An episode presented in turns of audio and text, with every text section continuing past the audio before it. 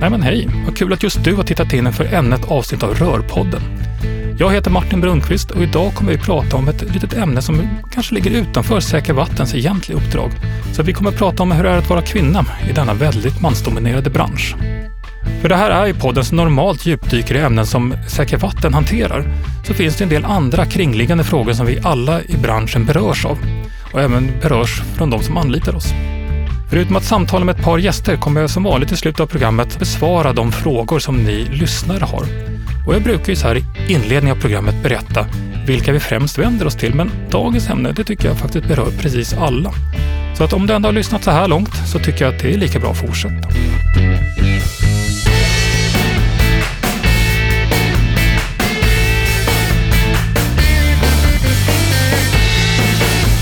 Byggbranschen i allmänhet och VVS-branschen i synnerhet är som vi alla vet väldigt mansdominerat. Så har det varit länge, så har det väl alltid varit och så kommer det säkert vara lång tid framöver. Och jag är övertygad om att vi alla, både i samhället i stort och i vår bransch, vill att det här ska vara jämställt. Men är den det? Och kanske vi har nått hela vägen fram redan. Och om vi inte har det, hur ska vi då kunna närma oss den här jämställdheten? Jag tror inte att vi löser de här frågorna idag, men eh, för att diskutera det här och belysa lite vad som fungerar och vad som inte fungerar, så har jag bjudit hit två intressanta gäster. Det är Jeanette Corvinius från Byggcheferna och eh, Natalia Strandberg från Nytorps Rör. Välkomna hit! Tack! Tackar! Om vi börjar med dig Natalia. Eh, du kommer ju från ett av våra auktoriserade företag. Vilken är din roll där och vad har du för erfarenheter i bygg och VVS-branschen? Jag börjar som arbetsledande montör och sen så är jag även platschef på vissa där vi har totalentreprenad. Jag har jobbat som rörmokare i snart 25 år, men i byggbranschen har jag snart varit i 40 år. Mm. Och Jeanette, eh, du kommer från byggcheferna eh, just i det här sammanhanget. Eh, vad är byggcheferna för någonting och vad gör du där? Min roll inom byggcheferna är ordförande eh, sen i höstas. Och eh, byggcheferna är en branschförening eh, för alla chefer eh, och ledare inom samhällsbyggnadssektorn. Och, totalt så har vi över hela landet 17 000 medlemmar. Mm. Och då är vi uppdelade sen i ja, byggbranschen, och installationsbranschen och fastighetsbranschen. Vad spännande. Eh, hur kom det sig att ni hamnade just i den här eh, branschen? Jag hamnade för att jag var för rastlös. Eh, började springa på byggen som åttaåring helt enkelt för att eh, sommarlovsbarn.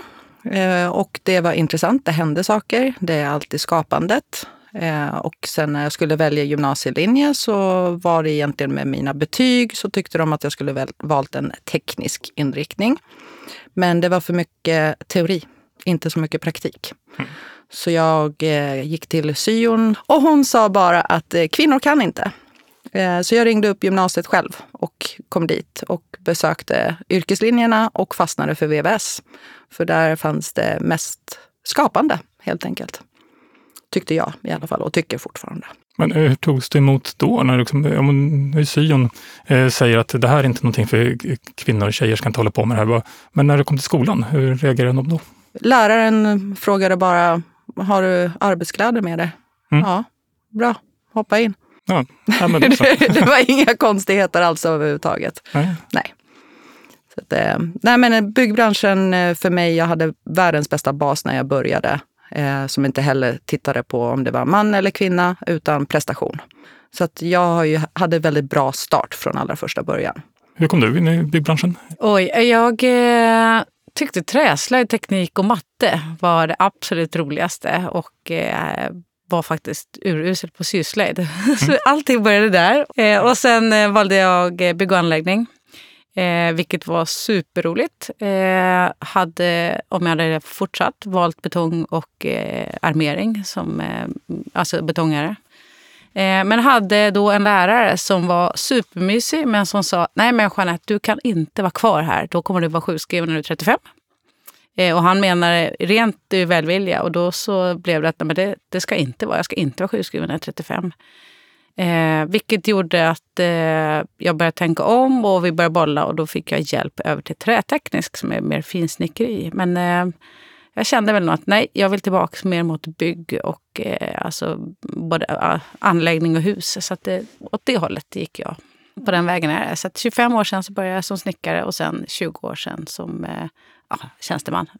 Men hur har ni upplevt eh, när ni då kommit ut i arbetslivet från eh, skolan som unga tjejer? Att eh, bemötas i den här väldigt mansdominerade branschen. Du sa att du hade, Natalia pekar på det, eh, är ehm, att du fick ett bra bemötande. Men hur var det bland kollegor liksom, eller de du mötte som kunder? Och så där? Det har varit väldigt varierande. Eh, jag jobbade med jour i över tio år och då kunde det bli samtal att hej, eh, när kommer han? Eh, har han verkligen med sig alltihopa? Mm. Kan du meddela honom att han måste ha med sig det här också? Ja, ja men absolut. Jag, eh, jag kommer. Jo då, men jag har det i bilen. Sen la jag inte så mycket mer energi på det. Oj, är det en tjej som kommer? Mm. Hej, kan du det här? Så några gånger så har det väl blivit så här, nej men vänta jag ska bara googla. Jag ska ja, kolla. På. Jag kommer snart in. Ja, men det kan vara ganska avväpnande faktiskt att man försöker skämta ja. eh, bort det. Liksom att det ja. kan få mottagaren faktiskt förstå att det här var kanske inte så bra mm. sätt att reagera på. Och sen så har ju bemötande många äldre, eh, kvinnor speciellt, med tant Agda som behöver lite hjälp, har varit mer än nöjda att det kommer en kvinna och hjälper. Mm. Eh, så att det har varit positivt på så sätt också. Att det, oh men vad skönt, då behöver jag inte förklara, för jag vet inte hur jag ska förklara för en man. Nej, och det är väl egentligen lite märkligt att vi ska behöva prata så olika med Nej. män respektive kvinnor. Och det ska, tror jag kanske inte att du behöver heller. Men det... Nej, men eh, ibland kan jag väl uppleva att det blir korthuggna svar. Eh, och då är det lätt att missförstånd uppstår. Mm. Och då som kvinna så kanske man broderar ut, om jag uttrycker mig så. Och då är det lättare att förstå vad man menar. Vad var din erfarenhet när du kom ut? Eh, nej men, jag skulle vilja säga det har varit blandat också. Men eh, i absolut största så är det ju... Mm, folk blir väldigt positiva. Eh, det är... Eh, många tror att när det kommer en tjej, kanon, då blir det lite ordning och reda och det blir lite mjukare. Vilket det, det blir många gånger det också. Men eh, det är väl de sakerna som kan vara också, att den här förväntan att bara för att det kommer in en tjej så så ska det bli mycket mjukare, mycket lugnare och man får på sig en kappa som, är, som man tänker så här, men vänta, är, är det jag som ska göra den eller är det ni som kanske tycker det också? Mm. Eh, och det... Ja, men jag tänker att just det absolut största... Eh, om större delen av tiden och vart man än är så är det positivt. Men det finns, eh, det finns ställen som man undrar, men vem har grävt upp den här den gråsten? Liksom? Mm. För det är väl en ganska ska säga, en jargong som har funnits, den där lilla gumman-jargongen. Eh, mm. Tycker ni att den har förbättrats lite grann över åren? Jag misstänker att den ändå har det. Jag tror att den har förbättrats väldigt, väldigt mycket. Eh, dels, och, och, här ska vi också säga att dels så är det nog också från ålder, eh, att det är lilla gumman när man, är, när man kommer ut ifrån eh, gymnasiet. Ja. ja. men då, är, då, då tas det också lite hårdare i den här att man är lilla gumman dessutom.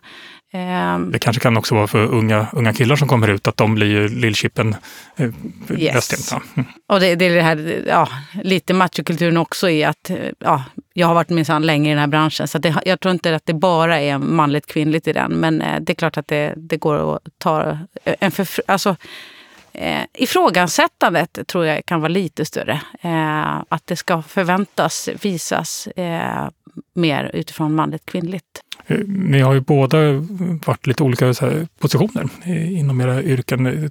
Tycker ni att det upplevs som skillnad bemötandet som ni får om det är ett hantverksmässigt jobb eller om det är som tjänsteman eller någon mer chefsposition eh, utifrån att vara kvinna? Uh, hmm. jag, jag, tänker att det du var inne på, det här med att uh, det man oftast hör är, uh, både om vi ska prata måleri eller VVS eller elektriker, så kan det till och med vara att det är många som söker kvinnor. Om vi ska det här facka in folk och så säger de så här, oh, men de är mycket noggrannare. Och det är en ganska grov generalisering också.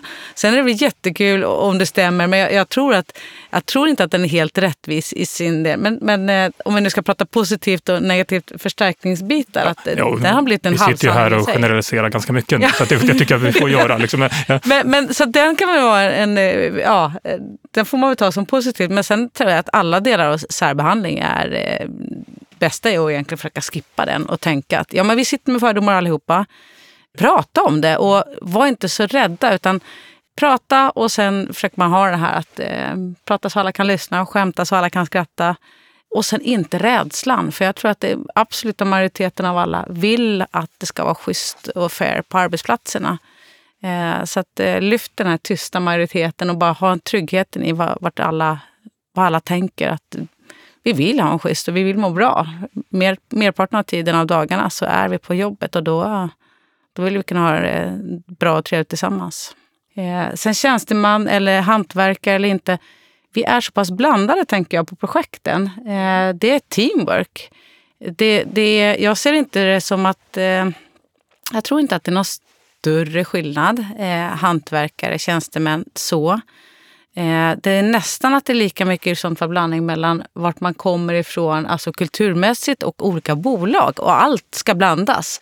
Så där tror jag är viktigare i sånt fall att ha att man höjer lägstanivån och säger att det här är vad vi accepterar gentemot varandra. Och att man alltid lyfter upp den och inte tar för självklart att allting kommer att lösa sig. För att det kommer att komma från olika kulturer. Eh, och nu pratar jag inte olika länder, eller, alltså etniskt. Eller, jag, jag pratar företags, ja, företagskulturer i den här frågan. Så den tror jag är viktig att höja lägstanivån eller en eh, acceptansnivå. Eh, våga prata om det. Mer än att det skulle vara generellt att det är någon som kommer från en alltså hantverkare eller tjänstemän eller yrkesgrupp. Respekten helt enkelt. Ja, det är den. Jag skulle säga. Ja. Mm. ja. men det är det. det. Det är egentligen redan antingen vid fikabordet i byggborden eller på första byggmötet att det här är, det är våran policy. Så här respekterar vi varandra, vi pratar med varandra att vara tydlig. Ja, och vi behöver varandra. Det är ju den ja. också. Att det, ja, precis. Det är det, jätteviktigt. Ja. Eh, finns den tydligheten då eh, ute i verkligheten?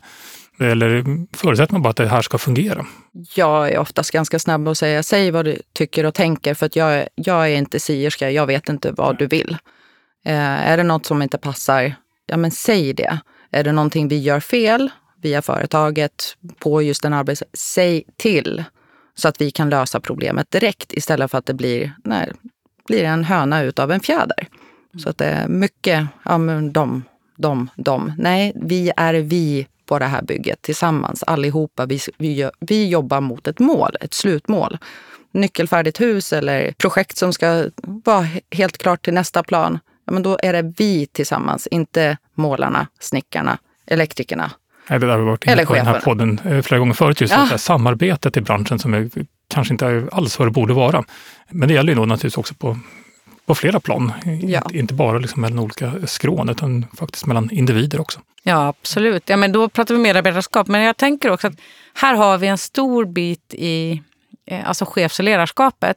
För att någonstans behöver vi bete oss vettigt oavsett vem vi är på ett bygge. Men eh, anledningen varför vi har gjort de här matturmätningarna och egentligen pratar om det och försöker vara, ja, ta fram verktyg och lyfta de frågorna är ju också att det är lättare utifrån ett chefs och ledarskap att gå in och sätta förutsättningarna att lyfta vad som är okej och inte. Och inte bara slå med en policy utan det handlar om att prata om det eh, och att ha verktyg så att man med lätthet kan göra det. För lätt är det inte. Eh, Eh, Eh, har man inte gjort det igår så kommer det inte vara lättare imorgon om man inte gör en ändring eller har ett verktyg som gör att man känner en trygghet att kunna prata om det. Nej, det är väl så att det är naturligt som du säger, det är lätt att ha en policy, det är lätt att säga det i början på ett projekt att så här ska det vara, men när det väl händer att någon kanske blir eh, mm. illa behandlad, så då kanske inte är lika lätt alla gånger att gå in och ta den fighten, om man ska säga det så. Nej, då är det viktigt att ha tagit det här samtalet innan, tror jag. Det här med tysta majoriteten och veta att ja, men absoluta merparten vill inte annat än att det ska vara schysst eh, klimat och förutsättningar för varandra. Mm. Och har man pratat om det innan så är det också lättare att landa i att men vi, hade ju, vi har ju pratat om det och det här var inte okej. Okay. Du kan få, alltså, ensam är inte stark i de här lägena. Men eh, det gäller nog att ha pratat om det från början än att börja ta upp det här när det börjar hända. Eh, så det är klart att man behöver ta hjälp och ta tag i det om det händer också. Alltså om man inte har gjort det. Men, men det är en stor fördel tror jag att ha mm. tagit det här väldigt tidigt vid startmötet och sagt det här är vad vi förväntar oss och att ni hjälp, ja, hjälpt till med det här. Mm. Vad tycker ni själva, behövs det mer kvinnor i byggbranschen? Eller är det bara ja, de som kommer, de kommer. Eller finns det en fördel med att vi försöker jag, jag tror aldrig vi kommer få en 50-procentig uppdelning. Så, men, tror du inte? Nej, det tror jag inte. Men, ja, jag hoppas det. Ja, det, ja. det är en fantastiskt rolig bransch. Jag, mm. jag tror att föreställningen är mångt och mycket det här att det är lite, det är det här som du var inne på, det här med att det är det är, det är lite tungt och det är skitigt och det. Samtidigt så vet vi att när vi var barn så var det en av de roligaste sakerna att sitta i sandlådan och kladda ja. och faktiskt bli skitig. Mm. Eh, byggbranschen är över? inte ens... Ja, jag vet inte. Det är synd har inte gjort än. Ska vi prata just installationsbranschen så är det 47 procent som säger att man upplever att eh, det är någon typ av machokultur på sin arbetsplats. Mm. Och eh, där skämt, alltså sexistiska eller skämt med jargong är en av de vanligaste. Och, det, och skämt i de här lägena är nästan ännu svårare att ta på. Eh, det kläs in... Alltså, det är svårt att veta vad som är ett skämt och inte. Och det, man ja. vet inte vad mottagaren tycker. Kanske inte alls tyckte det var roligt. Nej, och samtidigt så finns det ju det här, bara ska man inte skämta längre? Mm. Jo, men mm. kom igen, kan vi skämta så är det just det att skämta så alla kan skratta då. Ja.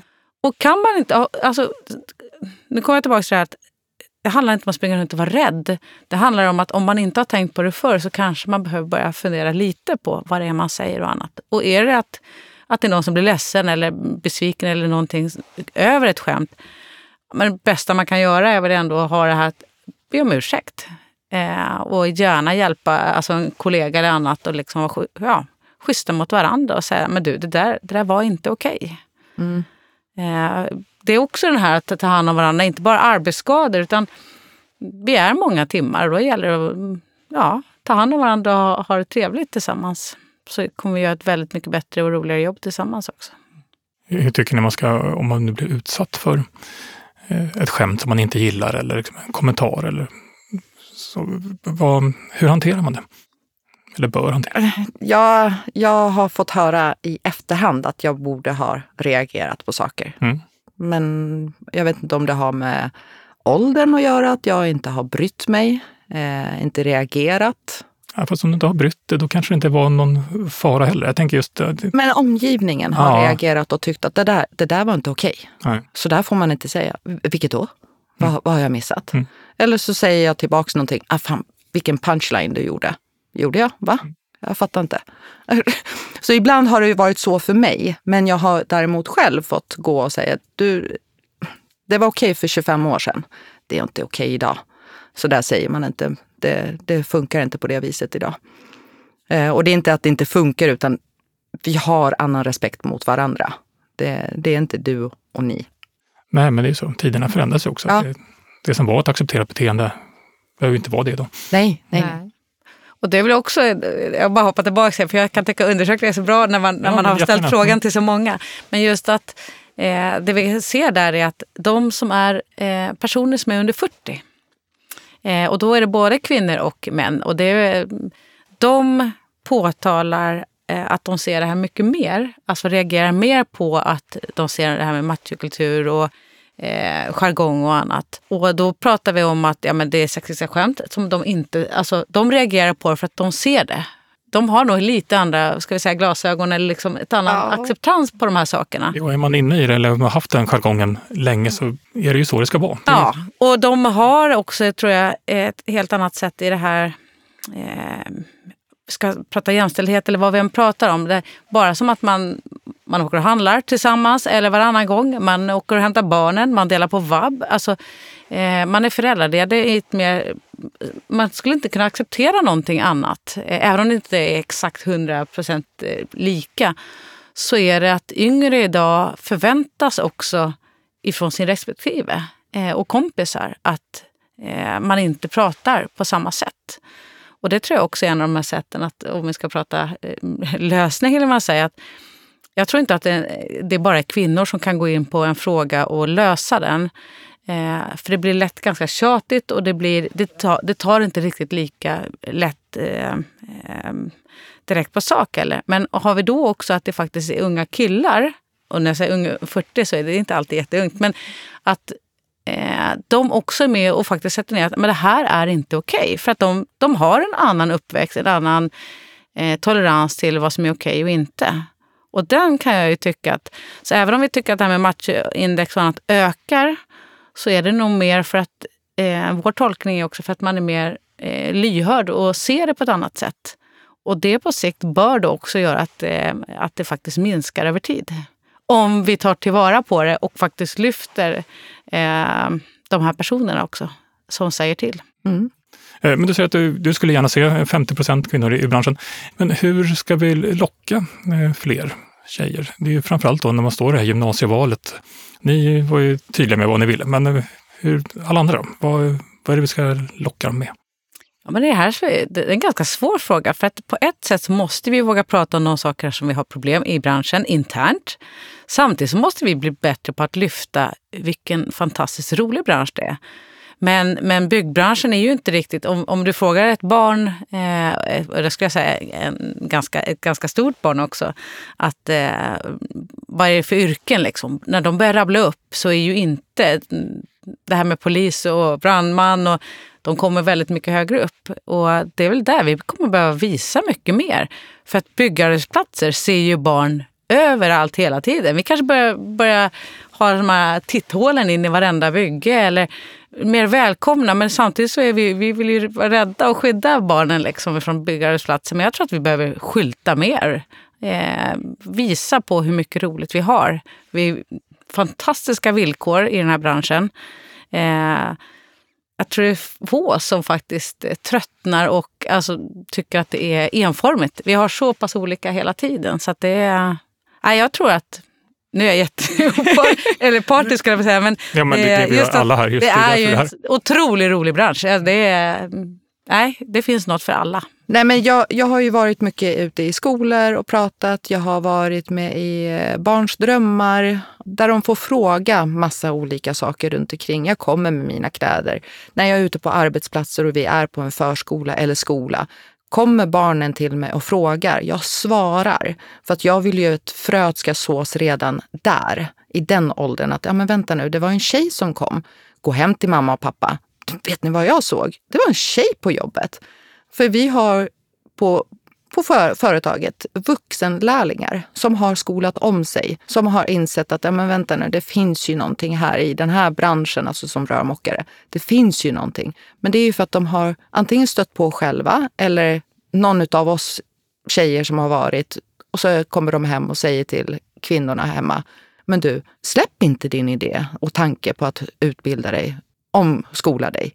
Det finns tjejer och de tycker det är kul. Fortsätt, kämpa. Så att eh, man måste visa sig och inte våga bara, nej, nej, jag tänker inte svara på de frågorna. Den tror jag är viktig, det här att synas och fin. Alltså att man vet att man kommer inte komma in själv. Nej. Eh, några av oss eh, kanske inte berörs jättemycket av den, men den är ju jättetydlig att eh, finns det någon innan så är det mycket lättare att ta ett kliv eh, och komma till, till ert företag exempelvis och se att det finns fler här. Då behöver man Att inte vara den första själv. kanske och, är nej, lite jobbigt. Mm. nej. Ja, ja men det. Synligheten och visa upp faktiskt att, det är, att ni är flera kvinnor som är. Att eh, de kommer inte komma ut själva. till Nej. Det är bara att man ska räcka till och, sy- och, och ha den här synligheten också. Det är, det är nästan att det är ett samhällsansvar faktiskt för att det är Ja, hitta en helhet på det. Eh, och jag har ju varit mycket i, eh, i förorter helt enkelt, där barnen från början får lära sig hur de ska vara. Och bara så ett frö där, just den här manliga sköterskan, han fick ju så många frågor. Bara, men, men du är inte läkare? Nej, jag är sköterska. Jag gör det där som läkarna inte hinner med. Och du håller inte bara på med bajs. Nej, men jag ser så att du har vatten i kranen så du kan dricka vatten. Du kan duscha varmt. Och du har varmt hemma. Jaha. Det, vi, man kan vara kvinna och välja och man kan vara man och välja. Det finns inte. Vi, har väldigt, det är liksom viljan. Mm. Det är det som finns. Och ska vara egentligen bestämmande. Men ja. Men det är det här skapandet också som jag tror att får vi till att folk ser att det är en fantastiskt rolig bransch och hur mycket skapande och mycket varierande arbetsuppgifter vi ändå har. Även om du är i samma bransch och samma alltså, yrkesroll så det är väldigt varierande och du ser så konkret vad du gör för någonting. Så tror jag att vi ska kunna locka väldigt många mer. Är det någonting mer som ni känner att ni vill skicka med ut till våra lyssnare, vilka de än nu är? Ja, men jag tänker det här som vi, vi var inne på här tidigare, det här med att reagera om det är något som inte känns bra. Oavsett om man ta det själv eller om det är en kollega. Framförallt om det är en kollega, säg till eller säg ifrån. Eh, och man behöver inte göra det så vasst, utan man, ibland så räcker det bara ett ord. För de flesta kommer att be om ursäkt och säga att det var, det var klumpigt och dumt. För jag tror att vi måste reagera på det. Och ska vi prata många kvinnor inom den här branschen, oavsett vart man är, så tror jag att vi har lärt oss att ta saker, vilket gör att vi också passerar sakerna. Eh, vi hör nog samma sak, men vi har kanske en annan tolerans på att nej, men vi släpper förbi det. Och det tror jag att vi kanske ska inte göra för att få fler att eh, komma in i den här branschen och känna att det är schysst jargong och schysst eh, beteende mot varandra. Jo, det, för att jag tillhör den äldre generationen som inte ser alltid. Men eh, jag har min 17-åriga dotter som påminner mig hela tiden. Så där får man inte säga mamma längre. Så där uttrycker man sig inte. Det kan missuppfattas. Mm. Oj, men det visste jag inte. Tack! Tack för hjälpen, för det här har jag inte hört att någon har reagerat. Och det, jag behöver också hjälp att höra. Nej, men så där pratar man inte. Så säger man inte. Nej, Nej men det är samarbete också inom det planet, ja. inom familjen eller över generationsgränserna. Nej, och så tänker jag just det att ta också hjälp. Eh, Eh, ta hjälp och ta gärna de här. Vi har massor av fina initiativ eh, att kunna ta direkt in på arbetsplatserna oavsett vem man är, vem man är vilken yrkesgrupp man är eller om man kör hela projektet. Men just det här att börja prata om det. Eh, antingen göra det på ett lite skämtsamt, alltså eh, skämtsamt, lättsamt sätt med eh, eh, nu tar jag ett exempel som machometern. Det är elva snabbfrågor och då kan du få ganska snabbt hur, är status? Vad tänker vi? Har vi, har vi en machokultur eller inte? Vi har andra exempel. Som, Var hittar man den någonstans? Den finns på byggcheferna.se och allt vårt material i både Powerpoint och de här eh, eh, undersökningarna. De, allt finns gratis att tillgå oavsett om man är medlem eller inte. Eh, allt för att få en lite bättre bransch. Sen har vi andra, det finns massa initiativ, men eh, Silla snacket där man har en upplägg där man faktiskt har eh, ett upplägg kring ett samtal och där man också har sen ett, en pin, ett märke. Eh, där man faktiskt bara kan peka och se också att aha, ni har också kört den där. Ja men kanon! Och att man kan peka på. Så att, nyttja de initiativ som finns. Eh, jag tror att det klivet blir mycket kortare eller ja, mycket lättare också att få att eh, vad som är acceptans och inte. För att eh, igen, merparten vill inte ha någonting annat än att man kommer till jobbet och mår bra och tar hand om varandra. Har ni nyttjat den här typen av verktyg på något sätt? Vi har haft väldigt mycket olika på både konferenser och sånt, men kanske inte exakt de verktygen, Nej. utan mer allmän att vi är ändå så pass många tjejer som vi är. Ja. Så att det, men samtalet finns? Ja, ja, ja, ja, det finns. Och samtal finns åt andra hållet också. Att man ska sida snacket. Ja. Det går lite fort ibland. Ja. Ja, men då tycker jag att det blir dags för oss att eh, sila snacket lite grann och avsluta det här samtalet. Jag tackar Jeanette Corvinius från Byggcheferna och eh, Natalia Strandberg från Nytorps Rör. Tack för att ni kom hit. Tack. Tack. Då var det dags att svara på några av alla de frågor som ni lyssnare har skickat in till oss.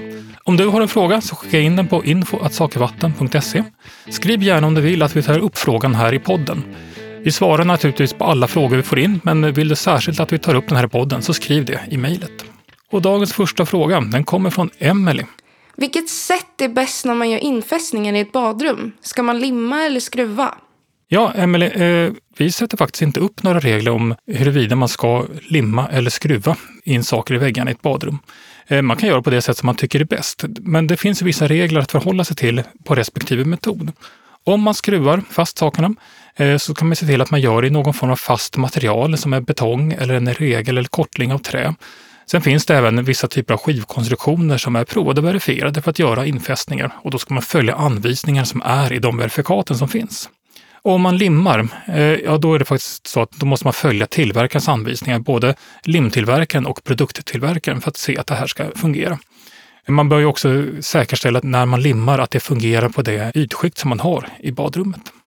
Så har vi en fråga från Johanna. Vilka regler gäller när man ska bygga in en spolcistern för en vägghängd WC-stol? Ja, eh, att ha vägghängda WC-stolar med inbyggd spolcistern, det är väldigt populärt i badrummen. Det här är en ganska stor pjäs som kanske inte är alltid så estetiskt snygg, så det är skönt att få bort den ifrån det här badrummet som man kanske har designat fint.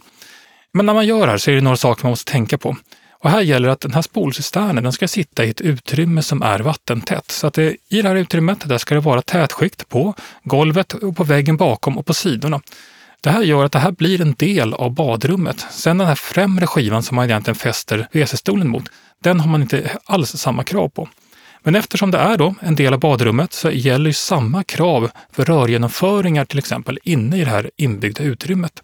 Så att eh, genomföring genom golv är ju då inte tillåtet med annat än med till exempel avloppsrör och man måste se till att alltid hålla de mått som gäller för rörgenomföringar. Och sen har vi en fråga från Victoria. Måste en läckageindikering mynna i ett rum med golvbrunn? Nej, i det vanligaste fallet med tappvatten, en läckageindikering som kommer från tappvatten, så bör man inte låta det mynna i ett rum med golvbrunn. Det, kravet är att det ska vara ett vattentätt golv. Däremot då inte golvbrunn. När det kommer till eh, läckageindikering som kommer från ett värmesystem, då kan den mynna i vilket rum som helst där man normalt vistas. Så det får inte mynna i till exempel en klädkammare eller en garderob eller så, eh, där man kanske inte är dagligdags och som kanske också blir förmöblerad av flyttkartonger och pjäxbägar och annat. Men i alla andra utrymmen som eh, vardagsrum, sovrum och så vidare, där kan man komma med läckageindikering när det kommer till värme. Men är det en läckageindikering från tappvatten så är det vattentätt golv utan golvbrunn. Eller naturligtvis får man ha en golvbrunn om man vill, men vattentäta golvet är det som är själva kravet. Och då har det blivit dags för mig att avsluta det här avsnittet. Eh, vi har idag pratat mycket om kvinnor i branschen och hur vi kan locka kvinnor i branschen. Vi har också pratat mycket om egentligen ett samarbete som vi tycker att vi alltid behöver. Om ni har några frågor, kommentarer, ris och ros så är ni som alltid välkomna att höra av er till oss. Ni kan mejla oss på info.sakervatten.se och ni hittar även andra kontaktuppgifter på www.sakervatten.se. Och jag vill påminna er om att ni kan alltid lyssna på poddarna från installatörsföretagens installatörspodd eller Kakelpodden från BKR. Vi finns alla där poddar finns, men kom ihåg, rör det rör, då rör det oss.